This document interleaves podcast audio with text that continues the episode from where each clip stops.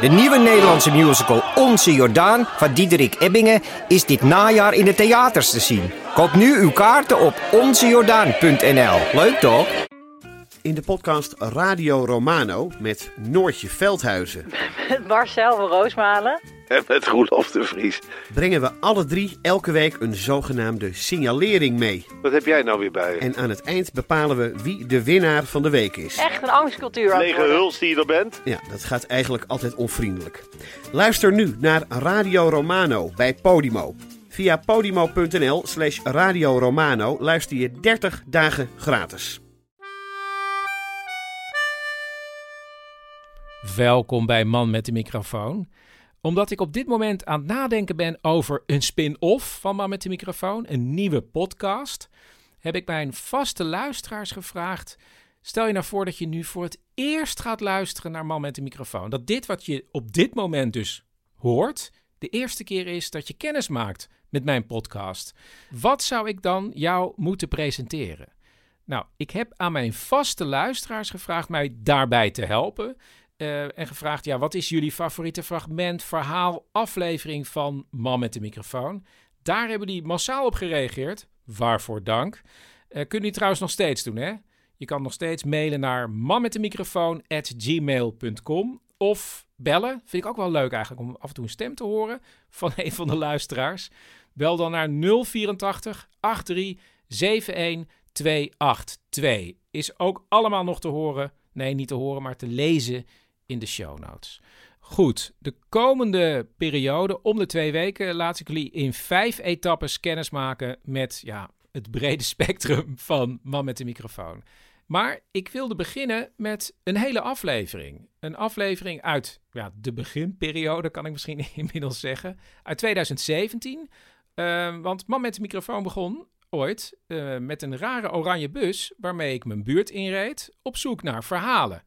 En één aflevering die veel door jullie als vaste luisteraars genoemd werd, was aflevering 17, getiteld Knippen 8 euro. Dus die kan je nu nog een keer luisteren. Of voor het allereerst. Dit is Man met de microfoon, met echte en bijna echte verhalen uit een stadswijk. En ik ben Chris Baayema. Dat stukje geweld, dat was, eh, ergens was het ook weer een stukje het niet weten en kunnen. Om het op dat moment met de juiste woorden te kunnen doen. Ah, slager, slager. Bakker van vlees. Van vlees. Ja. Eh, schap. En ook eh, diverse collega's die eh, ja, me toch wel enigszins eh, betoverend aankeken. Zo van, nou ja, als het zou kunnen. En toen heb ik wel gezegd van jongens, haal gewoon dat geld eruit. En geef die portemonnee terug. Welkom bij aflevering 17 van Man met de microfoon. Bij mij in de buurt zit een kleine kapper en laten we zeggen dat die zit vlak naast een zwembad. En ik zag dat daar een bord voor de deur stond met er, eh, erop knippen 8 euro. Eh, op een beetje verfrommeld papiertje en ook nog de woorden links en rechts actie. Eh, dus ik dacht, ja, waarom ook niet? Knippen 8 euro. Ik ging naar binnen. Ik was de enige klant en ik werd geholpen door de kapper. En ik noem hem nu even Ali. Dat is niet zijn echte naam, maar die heb ik op het laatst toch maar weer veranderd. Wordt wel duidelijk waarom. En hij sprak heel weinig Nederlands. Maar ik begreep wel dat hij midden twintig was en 2,5 jaar geleden met zijn vrouw en twee kinderen naar Nederland was gevlucht. En ehm, nou, hij heeft me geknipt. En eh, toen ik klaar was, eh, bleef ik nog heel even een beetje proberen te praten met hem. En toen pakte hij opeens eh, een boek. En dat was dan Nederlands leren. A1 voor buitenlanders is dat. En toen zei hij: Ja, kan je me niet helpen met Nederlands leren? Want hij wilde heel graag Nederlands met me praten. En toen zei ik: Ja, ik wil je eigenlijk wel helpen. Maar misschien kunnen we een afspraak maken dat ik jou help met Nederlands leren. Als ik de klanten mag interviewen die hier binnenkomen. Nou, en dat vond hij goed. Dus zo is deze aflevering ontstaan met de titel Knippen 8 euro. Sla, sla, slager. Slager? Wat slager? Lager is ehm, vlees. De Ja. vleeswinkel. Ja, dit is het dus zo'n beetje. Ehm, wat ik de afgelopen weken gedaan heb. Ik eh, zat in de kapperszaak bij eh, Ali. En als er geen klanten waren, dan gingen we het boek A1 Nederlands doornemen. En dit was dan eh, de afdeling winkelen, denk ik. Ah, slager, slager. Bakker van vlees. Van vlees. Ja. Schap. Voor, varken, ja. En als er dan een klant kwam, dan stopten we even en dan gingen we later weer door. En als het een leuke klant was en we hadden een aardig gesprek, dan nam ik soms iets op. En ja, dat kon ook iets heel kleins zijn, niet eens een verhaal, maar waar ik toch de hele tijd aan terug moest denken. Bijvoorbeeld het gesprek wat ik had met de 14-jarige Mohammed. En wat wil je later gaan doen? Eh, ik wil later cardioloog worden. Waarom cardioloog? Gewoon, ik vind het menselijk hart interessant. En wat wil je vader? Niks met eh, geneeskunde. Niks met geneeskunde. Weet ik niet. Echt niet? Nee, gaat, maar woon je wel bij je vader? eh, niet meer. Ze zijn gescheiden. En zie je je vader nog wel? Eh, niet meer. Waarom niet? Weet niet. Je hebt hem ook nooit gekend. Jawel, jawel. Dat zeker wel. Je ziet hem wel af en toe. Eh, soms zie ik hem gewoon een beetje op straat lopen en dat is het dan een beetje. En ga je wel eens af en toe iets met hem doen? Eh, niet meer. Waarom niet? Dat weet je ook niet. Eh, dat hou ik liever voor mezelf. Deze oerpellen. Oorbellen. Ali en ik zijn inmiddels bij het hoofdstuk kleding terechtgekomen. En eh, ik heb het niet, eigenlijk niet eerlijk verteld, maar toen ik zei: ik ga je helpen met het Oh. Nederlands leren, toen dacht ik ook van ja, eh, ik wil eigenlijk niet aan iemand vastzitten die ik helemaal niet leuk vind. We dronken ook heel veel koffie. En dan zei hij op een gegeven moment van... ja, ik zou eigenlijk wel een goed koffiezetapparaat willen. En dacht ik, ja, moet ik dan nu een koffiezetapparaat voor hem kopen? Maar dat wil ik niet, want ik wil gewoon... ja, gewoon een beetje afstand houden. En ik wil gewoon puur hier zijn voor die verhalen. Ik kocht geen apparaat, maar ik merkte wel... het werd steeds gezelliger en leuker. En ik raakte er ook echt verknocht aan om daar gewoon in die kapperszaak te zitten. En we hadden heel veel pret met die rare Nederlandse taal. Zoals oorbellen. Hoe schrijf je dat? Dat duurt hier nu 50 seconden voordat hij dat goed heeft opgeschreven. Ja, want dan is het een. Ja. Toch? Zo toch? ja. En ook de klanten die binnenkomen, eigenlijk ja, die versta ik niet, want meer dan de helft spreekt Arabisch met Ali. En ehm, er was op een gegeven moment ook een groepje mensen, vrienden volgens mij van hem, en die kenden die dan van het eh, AZC geloof ik, of van de talencursus Nederlands. En met een daarvan raakte ik in gesprek, want die kon een beetje Nederlands. En dat was eh, Walid. Die kwam uit Egypte en was naar Nederland gevlucht omdat hij eh, homo is. En een paar dagen later zei Ali tegen mij: Ja, die, die Walid, die is homo, hè? En toen moest hij heel raar lachen. En toen keek hij naar mij om te zien hoe ik daarop reageerde. Maar ik zei: Ja, nou ja, die is homo. Maar toen dacht ik wel: Ja, waarom zou Ali hierheen zijn gevlucht? En volgens mij zou het te maken kunnen hebben met het feit dat hij eh, niet moslim wil zijn. Eh, want dat zei hij: Ik ben geen moslim. En eh, het viel me ook op dat zijn twee kinderen van vijf en twee inmiddels ook hele christelijke namen hebben. Maar ja, ik kreeg er op dat moment nog niet veel meer uit. Eh, we dronken stoere koffie, zo heet sterke koffie bij Ali. En op een gegeven moment zat in de stoel Peter. En dat is een socioloog. En die woont helemaal niet bij mij in de buurt. Maar die was hierheen gekomen omdat hij zei dat hij vakantie wilde vieren in eigen stad. En dat vond ik zo leuk dat ik hem mee heb genomen naar mijn oranje bus om verder met hem te praten. Peter woont in de Bijlmermeer al jaren. En het verhaal wat hij vertelt, nou laten we het de lift noemen. En het is een verhaal in twee delen.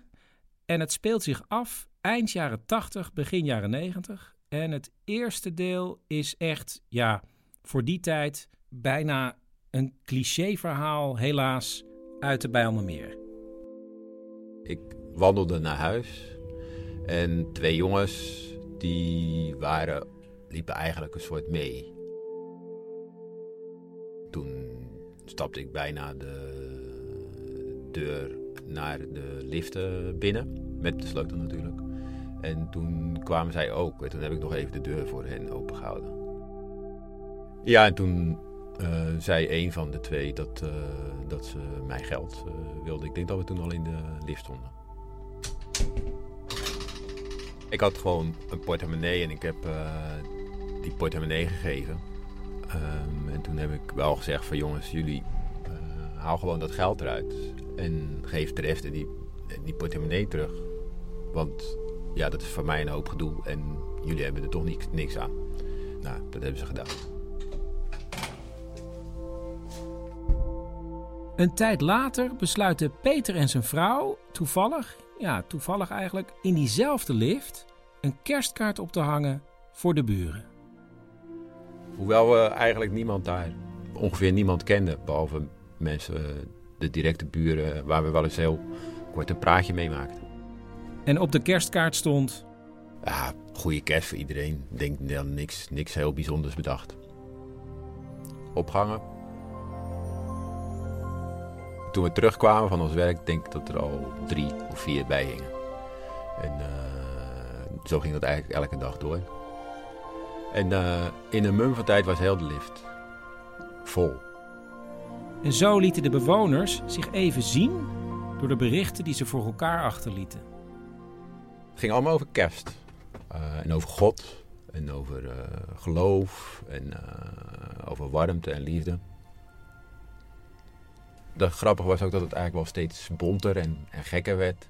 En dat mensen dus eigenlijk steeds mooiere dingen ervan gingen maken. Met, niet alleen met papier, maar ook met textiel en een bloem. En nou, noem maar op. Dus er werd echt werk van gemaakt.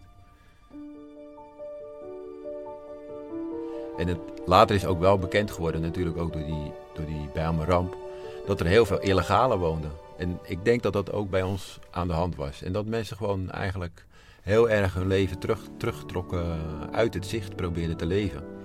Uh, en in dit geval toch even naar voren traden.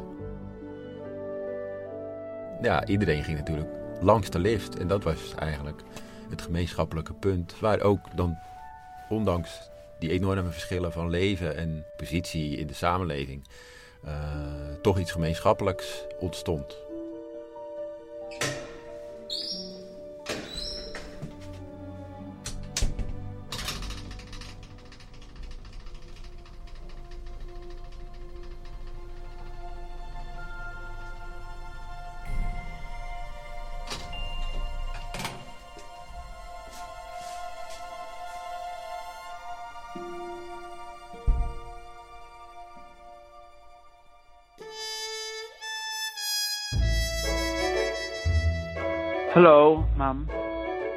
Lieverd. Uh, nou, ik, ik, ik val maar met de deur in huis. Slecht Oh. nieuws. Wat is er dan? Ik kan niet op Lisa's verjaardag komen. Waarom niet? Ik ben verknipt. Nou, mam. Goddank is er zoiets als de geestelijke gezondheidszorg in Nederland. Maar ik vind verknipt, dat vind ik toch een te sterke term hoor. Ook voor jou. En daarmee help je jezelf ook Nee, nee, nee. Het nee. is, het is als, nee, lieverd. Ik, ik, ik bedoel letterlijk verknipt. Ik was naar een, een nieuwe kapper. En die zei, eh, laten we het eens lekker kittig kort doen. oh, je haar. Daar Ja. hebben we het over? Ja. Ja, en, en ik zei nog tegen hem, ik zei, eh, ik steek mijn haar al, al 40 jaar op. En toen zei die jongen, nou, het is hoog tijd om daar eens van af te stappen. En ik had mijn bril niet op, dus, dus ik zag hem ook niet precies wat hij allemaal deed. Wat deed hij dan? Nou, aan één kant is het helemaal kort. En aan de andere kant is het, is het langer. Net zoals die, die, die verschrikkelijke eh, christelijke mevrouw van het Britcentrum, weet je wel, die. Dus, dus je bent voor de helft een soort punker. En voor de andere helft een christelijke bridge-speelster. Ja. Dat klinkt wel verknipt inderdaad. Zit er een kleurtje in? Ja. Ja, de lange kant is rood. Nou ja, je, je snapt, ik kan voorlopig de deur echt niet uit. Ik, ik stuur wel een kaart naar Lisa.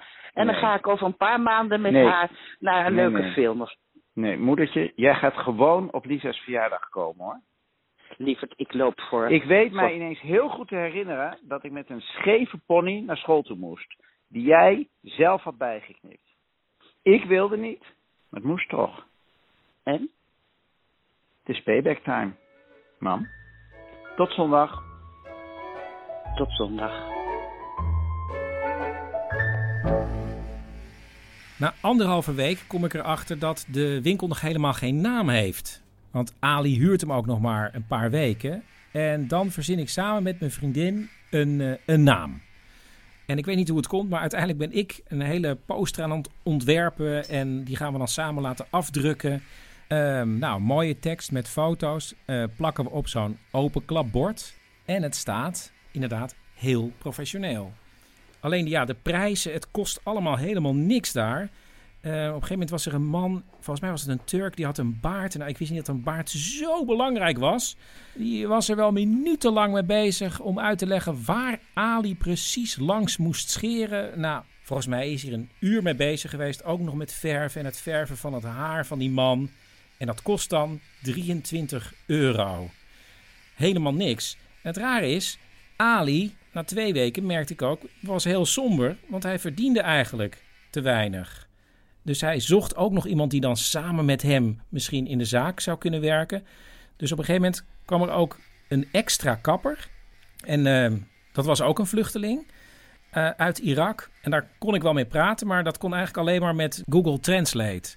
En hij typte zijn uh, zinnen in. En dan hoorde ik die in het Nederlands. En als ik in het Nederlands insprak in zijn telefoon, dan zag hij de Arabische tekst verschijnen.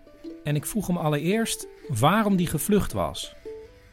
Een groep mensen dreigde me te vermoorden omdat ik mijn tegenstanders had veranderd. Wat had je dan veranderd? Later begreep ik pas dat het bekeerd was natuurlijk. Hij heeft andere Irakezen proberen te bekeren tot het christendom. Want ik heb in Christus geloofd.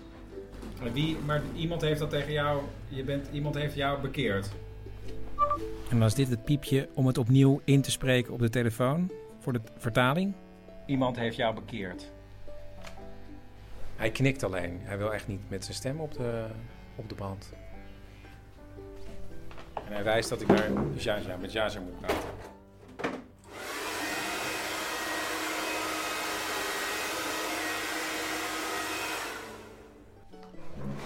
We hebben weer een les gedaan.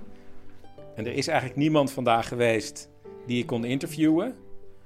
Um, Op een dag merk ik dat Ali ook zelf eigenlijk wel volgens mij iets wil vertellen in mijn recorder. Dus ik denk, ja, dan zet ik hem maar even aan. En dat is dit. Wat zeg je? Uh, Wie ben jij? Zeg. Ik ben uh, Mustafa. Nee, je moet gewoon je echte. Dit is een echt interview. En het lukt nog niet echt. Ik wil gewoon nu een nep-interview doen. Niet echt. Nou. Hij wil wel iets zeggen, maar als ik de recorder aandoe, dan toch maar niet. Nou, doen we eerst het verhaal van de lange, dunne man met het petje en ingevallen wangen. Die zijn hoofd met een tondeuze kaal liet scheren. En daarna bij mij plaatsnam in de bus. Ja, mijn naam is uh, Bas, 38 jaar. Vader van uh, twee kindjes. Uh, ik woon momenteel op de ambulante woning van HVO Querido. En HVO Querido is een zorgorganisatie die kwetsbare burgers ondersteunt, zodat ze weer deel kunnen nemen aan de maatschappij.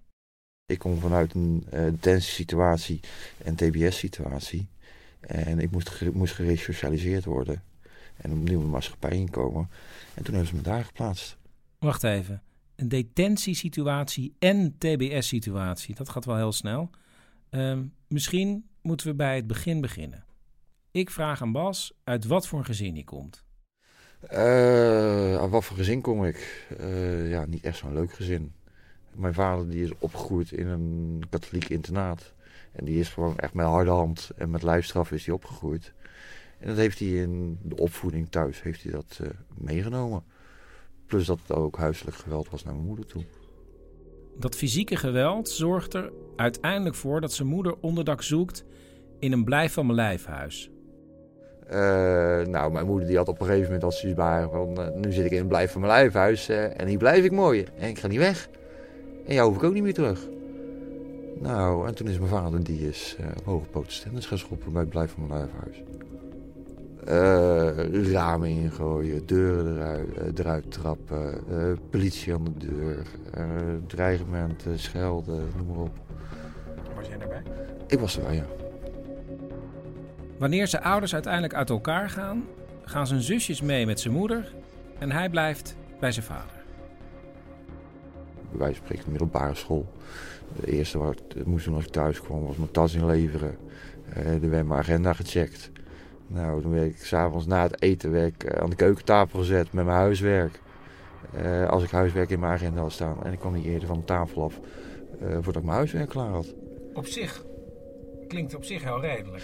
Ja, maar uh, werd ik even afgeleid of iets dergelijks, dan werd ik van de stoel afgeplukt en dan werd ik in de hoek gezet. Of ik kreeg met een mat kloppen of met een stok. Op een gegeven moment op oudere leeftijd tegenin gegaan. En zelf gaan slaan. En ja, op een gegeven moment uh, kom je in het verkeerde wereldje terecht. Ik ging drugsfeesten, hardcore feesten. Ik deed voor drugshandelaars die van mensen waarvan ze nog geld kregen, deed ik met een aantal jongens regelmatig geld in. En dan gingen we met een busje gingen we de deuren langs.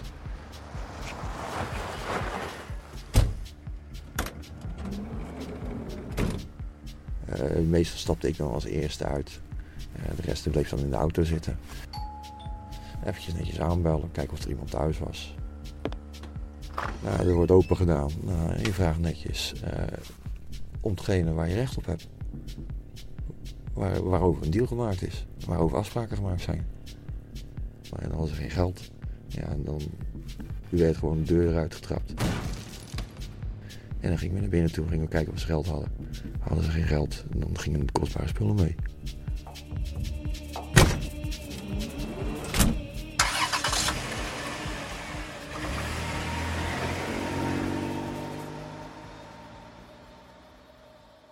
Ik werkte regulier als glazenwasser. nou, en de glazen wassen leverde ook nog eens een keertje wat op omdat ik ben natuurlijk geveltoerist. En ik deed voor iemand anders deed ik weer kijken waar er kostbare spullen binnen stonden.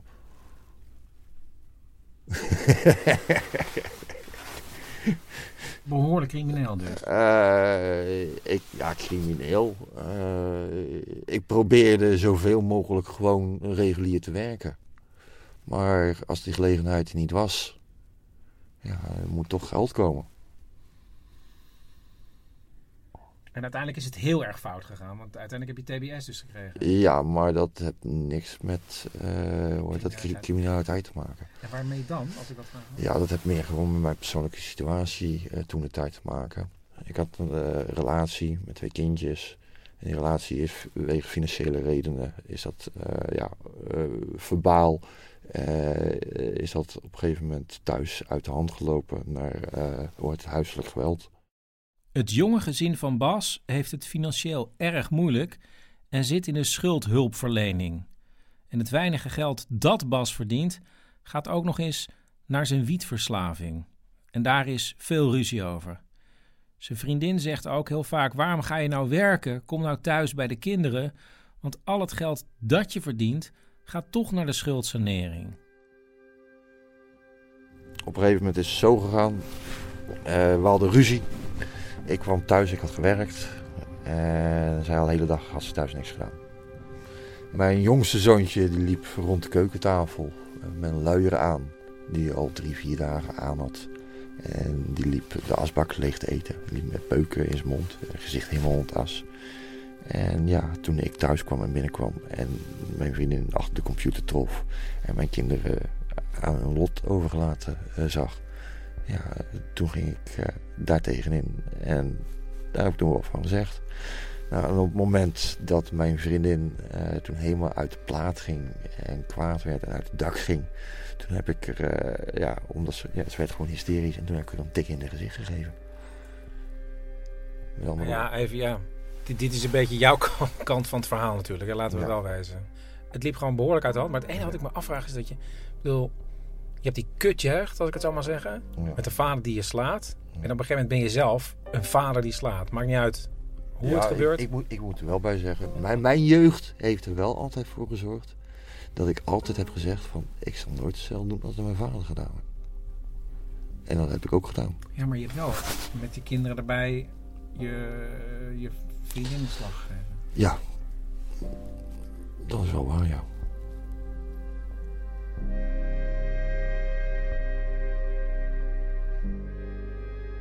Nou, en een paar weken daarna, uh, een week voor Pasen, uh, toen was ze alleen een moment op het andere moment was ze weg met de kinderen.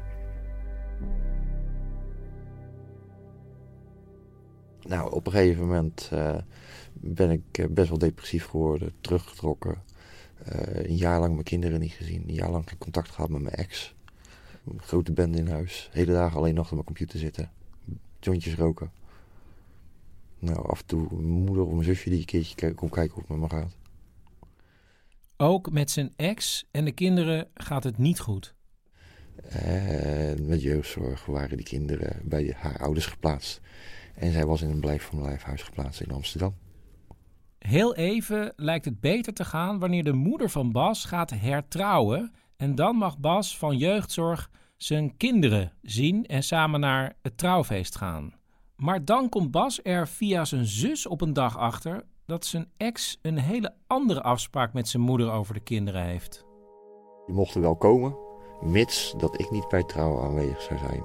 En de kinderen niet bij mij zouden blijven slapen. Dus je moeder wilde eigenlijk liever haar kleinkinderen dan jou bij haar trouwen? Ja. Nou, dan bij mij gaat er boem, een knop in mijn hoofd om. Ik ga naar huis toe. Uh, ik pak uh, thuis pak een uh, steel van een bijl. Ik ga naar het huis van mijn moeder.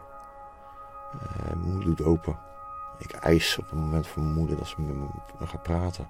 Als ze niet meer wil praten, sla ik de hele boel kort en klein. De deur wordt voor me dichtgegooid. Nou, ik begin in de voortuin de boel kort en klein te slaan. Nou, mijn moeder en mijn stiefvader in paniek. Een raampje gaat open aan de voorkant van Bas, alsjeblieft. Stop, stop ermee. Dan kom ik wel mee, mee, naar buiten, kom ik wel met je praten. Nou, op moment stopte ik ook. Nou, de deur gaat open, mijn moeder wil naar buiten komen.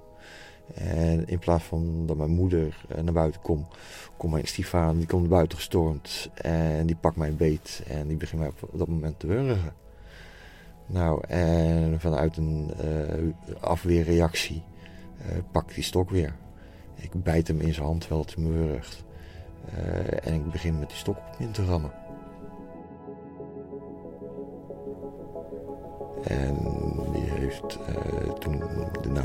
Overleefd. Je, was bijna, je had hem bijna doodgeslagen? Bijna doodgeslagen.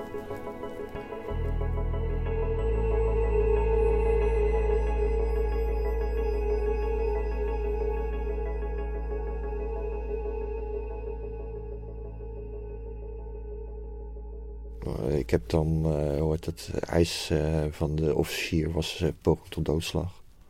En ik had minimaal zes jaar kunnen krijgen. En het klinkt misschien gek wat ik nu ga zeggen. Maar ik ben heel erg blij geweest dat, ze, dat de officier toen op een gegeven moment uh, had gevraagd aan de rechter om een, uh, een onderzoek te laten doen. En in de eerste instantie zag ik dat absoluut niet zitten. Want ik hoor TBS al. Ik zeg maar oké, TBS, media, hoort allemaal slechte dingen. Toeta, nee, geen zin. Zoek het maar lekker uit. En toen is op een gegeven moment mijn advocaat met mij in gesprek gegaan. En die heeft gezegd van, Bas, als ik jou was, zou ik gewoon eraan meewerken. Jij wil zelf heel, heel graag dingen veranderen. Iedere keer val je weer terug als je het probeert. Iedere keer geef je weer op omdat het niet lukt. Dit kan een mogelijkheid zijn om daar iets in te doen. Nou, heel veel twijfelen ben ik het toch doen. Uit de onderzoeken waar een Bas meewerkt, blijkt allereerst dat hij een veel hoger IQ heeft dan men al die jaren van hem gedacht had. En ook dat psychisch voor de rest niks aan de hand was. Alleen dat ik wel een, bepaal, een paar stoornissen had. Wat voor stoornis heb je? Uh, een uh, antisociale stoornis en een persoonlijkheidsstoornis. Wat voor persoonlijkheidsstoornis? Uh, ja, uh, sarcastisch, uh, hoe heet het, egoïstisch, niet, hoe heet het? Niet empathisch. Niet het empathisch vermogen hebben om zich in andere mensen in te kunnen leven. Uiteindelijk zit Bas drie jaar lang in een TBS-kliniek. En het klinkt misschien heel raar, maar... Ik was er heel blij mee. In de media hoor je alleen maar de negatieve dingen. De goede dingen hoor je nooit. Ik heb op een gegeven moment ik heb mijn school af kunnen maken. Ik, ik zit nu nog steeds op school. Ik uh, ben van mijn dyslexie afgekomen. Uh, ik heb heel erg aan mijn sociale vaardigheden kunnen werken. Ik weet eigenlijk nu gewoon op sociale, normale, verbale manier te uiten. Dat, stukje geweld, dat was, eh, ergens was het ook weer een stukje eh, het niet weten en kunnen om het op dat moment met de juiste woorden te kunnen doen. Om ervoor te zorgen dat de kans zo klein mogelijk is dat Bas weer terugvalt, woont hij inmiddels onder begeleiding in een andere stad. Met drie anderen in één huis. En je kinderen? Eh, ja, die zie ik helaas niet zo vaak als ik zou willen. Mijn kinderen die hebben op het moment hebben ze al bij traumabehandeling. En die hebben op sociaal vlak hebben ze moeten om zich te ontwikkelen. En die lopen onder begeleiding van kinderpsychiater en kinderpsychologen. Uh, de laatste keer dat ik zeg maar uh, telefonisch contact heb gehad met mijn kinderen, dat ik ze wou helpen, dan zat ik nog in de gevangenis. Uh, had ik mijn oudste zoontje had ik lijn. En toen kreeg ik van mijn oudste zoontje te horen dat hij op school, dat mijn jongste zoontje gepest en geplaagd werd. En toen had ik mijn oudste zoontje gezegd van, nou, hoort het, je weet donders goed dat, uh, dat ik je vroeger niet voor niks mee heb genomen maar naar, naar de sportschool om te boksen. Uh, je hebt voldoende geleerd uh, om voor je broertje op te komen. Dat werd mij vroeger ook geleerd. mijn vader zei vroeger altijd tegen mij van nou, hoort het, als je gepest wordt, doe je maar wat terug. En keer niet meer een beetje anderhalf, dan pak ik maar een stok. Nou, en een week later kreeg ik een telefoontje van jeugdzorg van meneer, hoort het, uw zoontje die heeft twee andere kindjes op school in elkaar geslagen. Na ondervragen van je zoon kreeg te horen dat hij dat van u moest doen. Maar dit, was, ja, dit is, maar zeggen, niet de, de gangbare, gangbare oplossing. Nee, inmiddels begrijp ik het wel. Alleen ja, op dat moment is dat gewoon iets wat erin zit. Dus eigenlijk is het het beste voor jouw kinderen, zie je ook zelf in, dat ze geen contact met je hebben? Uh, min mogelijk. Totdat ze zelf wijs en verstandig genoeg zijn om hun eigen beslissingen te kunnen maken. Maar niet dat ik het contact niet wil hebben. Tot slot vraag ik Bas wat nu zijn toekomstdromen zijn. Een eigen huisje, een eh, bootje om lekker door de gracht heen te kunnen tobberen. Uh, misschien ooit nog een keertje vader worden denk ik, oh mijn god, begin er niet aan. Oké, maar ja, ik kan me er ook niet echt heel erg mee bemoeien, maar uh, oké. Okay. is toch iets wat ik graag wil, uh, iets wat ik, wat ik gemist heb. Doe het niet. Hoezo niet? Ja, ik weet niet. Hoezo niet? Het is toch... Waar, waar, waar, willen ze zijn weg? Oké, okay, nou, maar dat is... Dit is mijn... Weet je, en ja, ik, ik heb toch voor mezelf het gevoel dat ik bij mijn eigen kinderen, als ik heel eerlijk ben, dat iets gemist heb. En wat ik, uh, waar ik mijn eigen tegenover mijn kinderen, vanuit hun oogpunt, waar ik me eigenlijk heel erg schuldig over voel. Ik kan het natuurlijk nooit goed maken om ook nog een keertje vader te worden. Maar het is wel iets wat ik nog graag zou willen ervaren.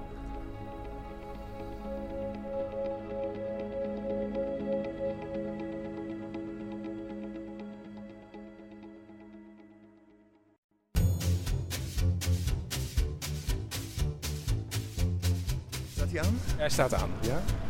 Oké, nou we zijn er. Loop maar naar binnen. Nee, nee, nee, nee. Ja, wacht even uitleggen. We staan nu bij mij om de hoek, want hier staat een winkelpand leeg. Althans, mhm. dat stond leeg. Ja, en nu staat er, kijk, een logo op het oh, raam. van man met de microfoon. Ja, dit is de pop-up man met de microfoon concept store.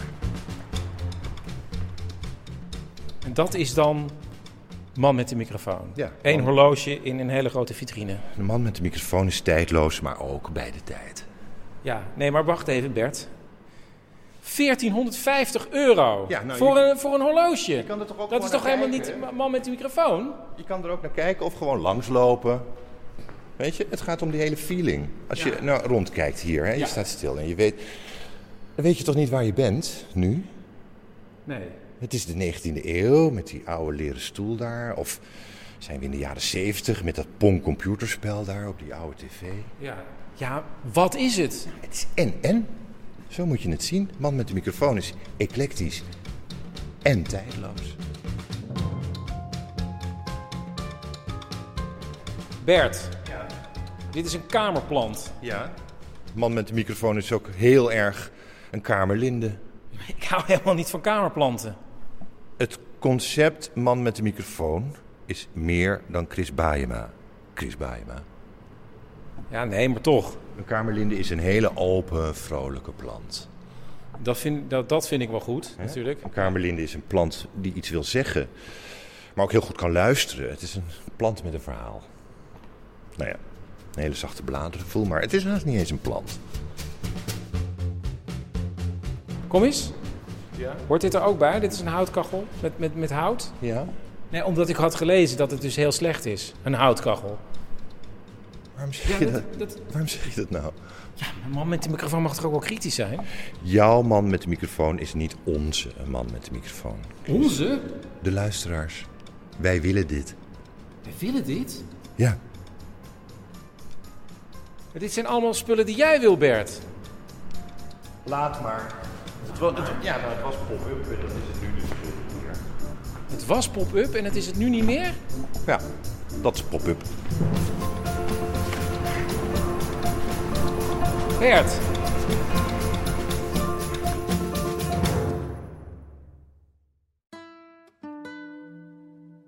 Als ik de derde week bij Ali zit, merk ik dat hij in de dagen daarvoor eigenlijk steeds somberder is. Ehm, over de zaken, dat het niet zo goed gaat met het aantal klanten. Maar hij zit ook vaak ruzieachtig met mensen aan de telefoon. En is er een dag dat hij weer ruzie maakt. En eh, dan zegt hij, ja, het gaat niet goed. Ehm, en hij heeft ruzie met zijn vrouw. En dan zeg ik, eh, waarom? En dan zegt hij, niet vertellen. Dan zeg ik, oké. En dan zegt hij, eh, niet vertellen. Dan zeg ik, ja, oké. En dan is het heel lang stil. En dan zegt hij opeens, ik ben homo.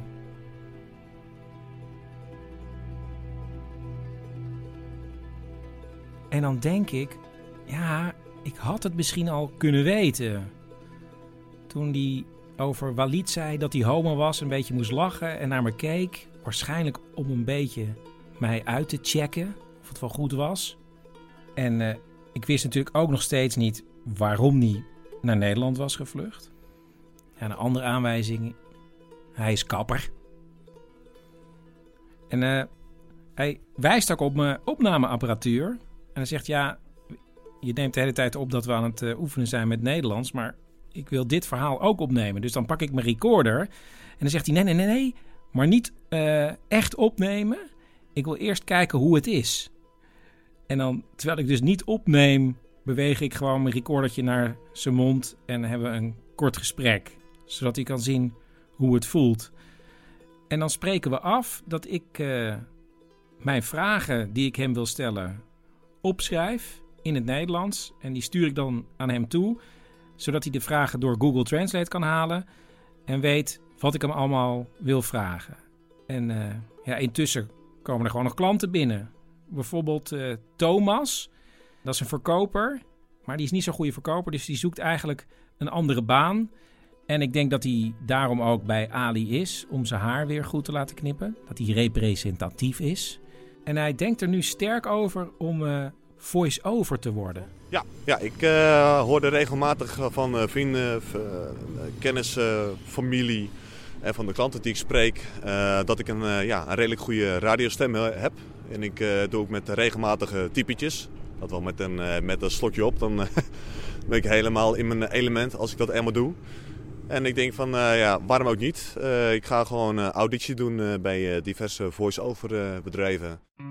Hij kan ook wel even wat voordoen, namelijk de Joker in de film Batman. Dan vraagt hij naar de vriendin van Two-Face, van Harvey Specter. In ieder geval, dan zegt hij... You must be Harvey Speed's eh, spouse. Nou, dat, dat is nou een beetje lastig misschien. Eh, maar ook bijvoorbeeld eh, van eh, Gert van Samsung en Gert van... No, no, mannetje, no, no, amai, amai. Nou, dat zijn allemaal simpele typetjes met een slokje op, dan, dan gaat het me een stuk beter af. Maar je moet, je moet eigenlijk stom dronken een studio inkruipen. Zo zou je het, het kunnen bekijken. Maar eh, ook bijvoorbeeld van films. Bijvoorbeeld een hele spannende film lijkt me wel leuk om dat ook in te spreken van... eh, ehm, volgende week in de bioscoop. Gaat Owens het nog redden in The Voice Over Ac- Academy? Of toch niet? U gaat het volgende week zien. Ehm, je hebt een hele lage stem, hè? Ja, klopt ja. ja dat uh, spreekt uh, vaak ook wel mensen aan. Dat is ook een beetje de gunfactor die ik vaak van klanten krijg. Ja. Daarmee. En ook bij dames, die kijken me dan ook wel behoorlijk zwoel aan. Zo van nou? Dat heeft een, uh, die heeft een goede stem. het schijnt, ja, ook zakenmannen en zo, diepe stem is heel belangrijk. Ja, ja dat is ook iets wat ik heb begrepen van mijn vriendin. Dat dat een van de dingen zijn waarvan ze zeggen van nou... Met die Thomas zou ik wel een, een kopje koffie willen gaan drinken. Ja, met je stem. Ja, ja onder andere. Ja, ja. En ook uh, diverse collega's die ja, me toch enigszins betoverend aankijken. Zo van, nou ja, als het zou kunnen, dan zou ik ook wel met Thomas een kopje koffie willen gaan drinken. Maar ja, hè? En, een hele lieve vriendin. Dus dat doe ik dan liever niet. Maar eigenlijk zou je de hele tijd kopjes koffie kunnen drinken? Ik zou in feite heel vaak kopjes koffie kunnen drinken, ja. Ja, dat klopt. Ja.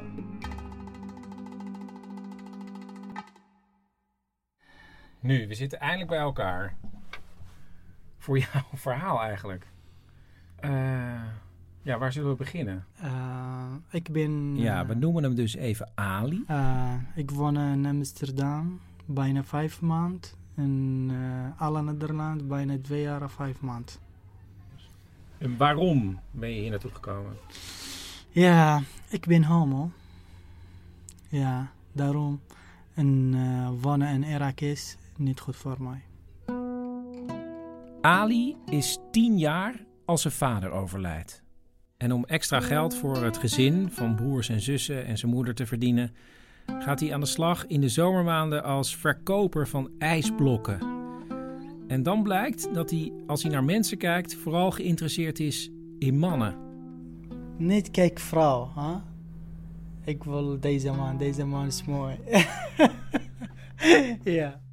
En hij weet ook al dat het beter is om daar niets over te zeggen tegen andere mensen. Die mensen verboden, kijk, deze man homo, moet deze dood. Kom groep, kom naar deze homo, daarna kom een auto, daarna weg, dood op zee of uh, ik weet het niet waar. Als hij 13 is, heeft hij zijn eerste echte vriendje. Die houden van veel praten, veel uh, lezen, samen kijken, tv.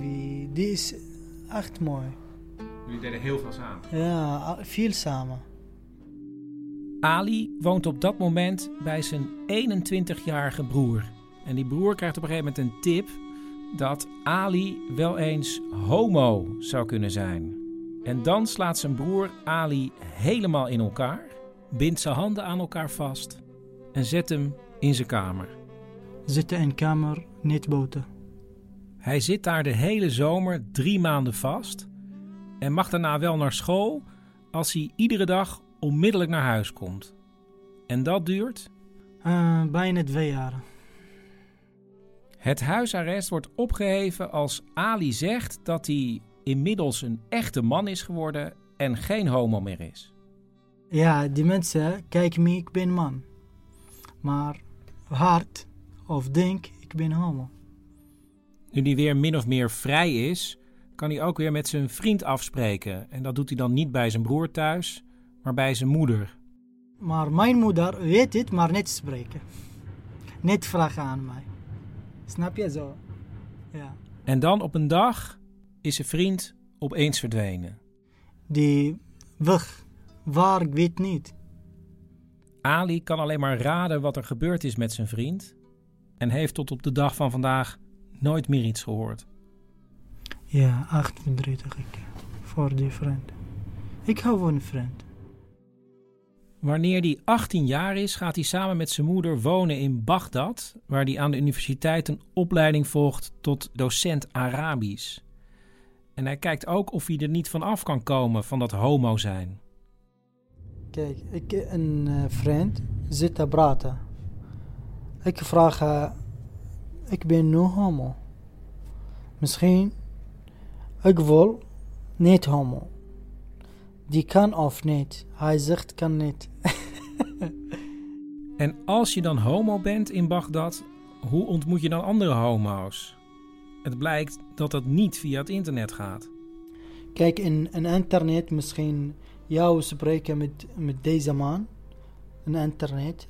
Maar hij man misschien niet, niet homo. Dan jij komen, dan dood. In Bagdad is het op straat of in een winkel gewoon heel goed kijken of iemand anders ook homo is. Ik kijk deze man, hij kijkt me, uh, dan ik begrijp het. Only kijk me, en ik kijk hij, dan ik begrijp het. Als Ali 19 is, wil zijn moeder heel graag dat hij gaat trouwen, want in Irak geldt... Uh, ik niet uh, trouwen, niet goed. Nu is er op de universiteit een meisje dat heel erg gecharmeerd is van Ali en het liefst zo snel mogelijk wil trouwen en kinderen krijgen. En als de moeder van Ali daarachter komt, dan regelt ze met dat meisje dat Ali met haar moet trouwen. Want in Irak bepalen de ouders nog met wie je moet trouwen. Het enige dat Ali nog kan voorkomen is dat er een heel groot feest gevierd wordt. Maar ja, dan is hij getrouwd en. Zij moet uh, elke dag, misschien of elke week, seks doen, toch?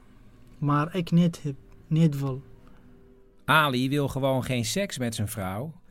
En hij stelt op een gegeven moment ook voor: ja, als je een man wil hebben naast mij, ik vind het allemaal prima. maar in Irak, die is moeilijk, andere man.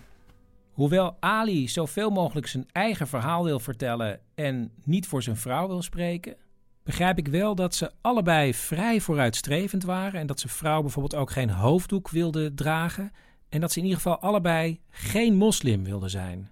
En ik denk dat zij zelfs christen wilden worden. In ieder geval hadden ze allebei een hele goede reden om uit Irak weg te willen.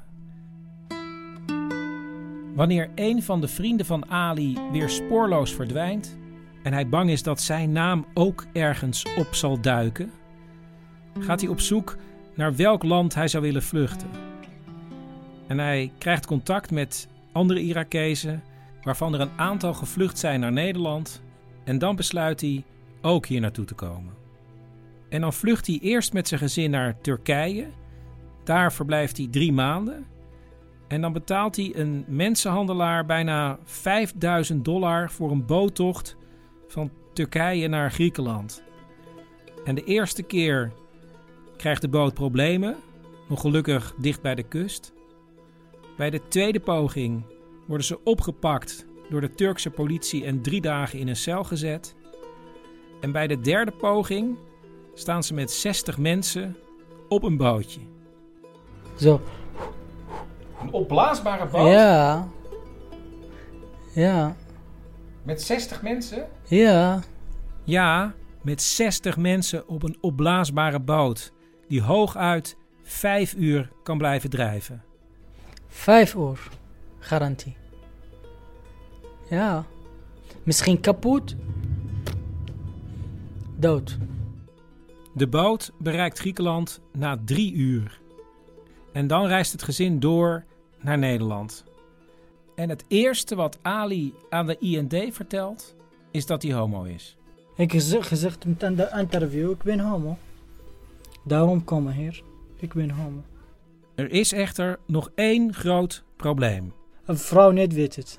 Ik zeg met uh, IND, moet uh, only ik en jullie weet het. Pas na een jaar durft Ali het aan zijn vrouw te vertellen. En inmiddels wonen ze niet meer bij elkaar en zullen ze gaan scheiden. En zelfs dat scheiden betekent in Irak zo'n gezichtsverlies dat geen van de families het ooit officieel te weten zal komen. De vrouw van Ali is overigens inmiddels wel christen geworden.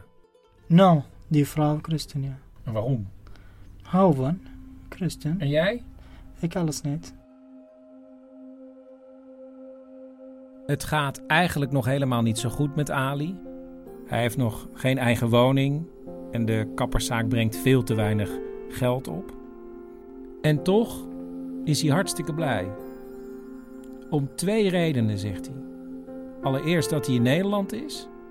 En ten tweede is hij hartstikke blij met zijn twee kinderen. Ik hou van kinderen. Ja, die kinderen van mij, ik hou van die kinderen. En inmiddels is hij zo ver dat hij zegt dat in ieder geval iedereen hier mag weten dat hij homo is. Weet niet, vorig jaar. Ik niet willen praten. Nog denk, met ik spreken, ik ben homo, denk ik andere mensen niet uh, houden die. Maar nu, mag niet uit, houden niet, houden, no problem. Ik spreek. Ik blij homo. ja, echt.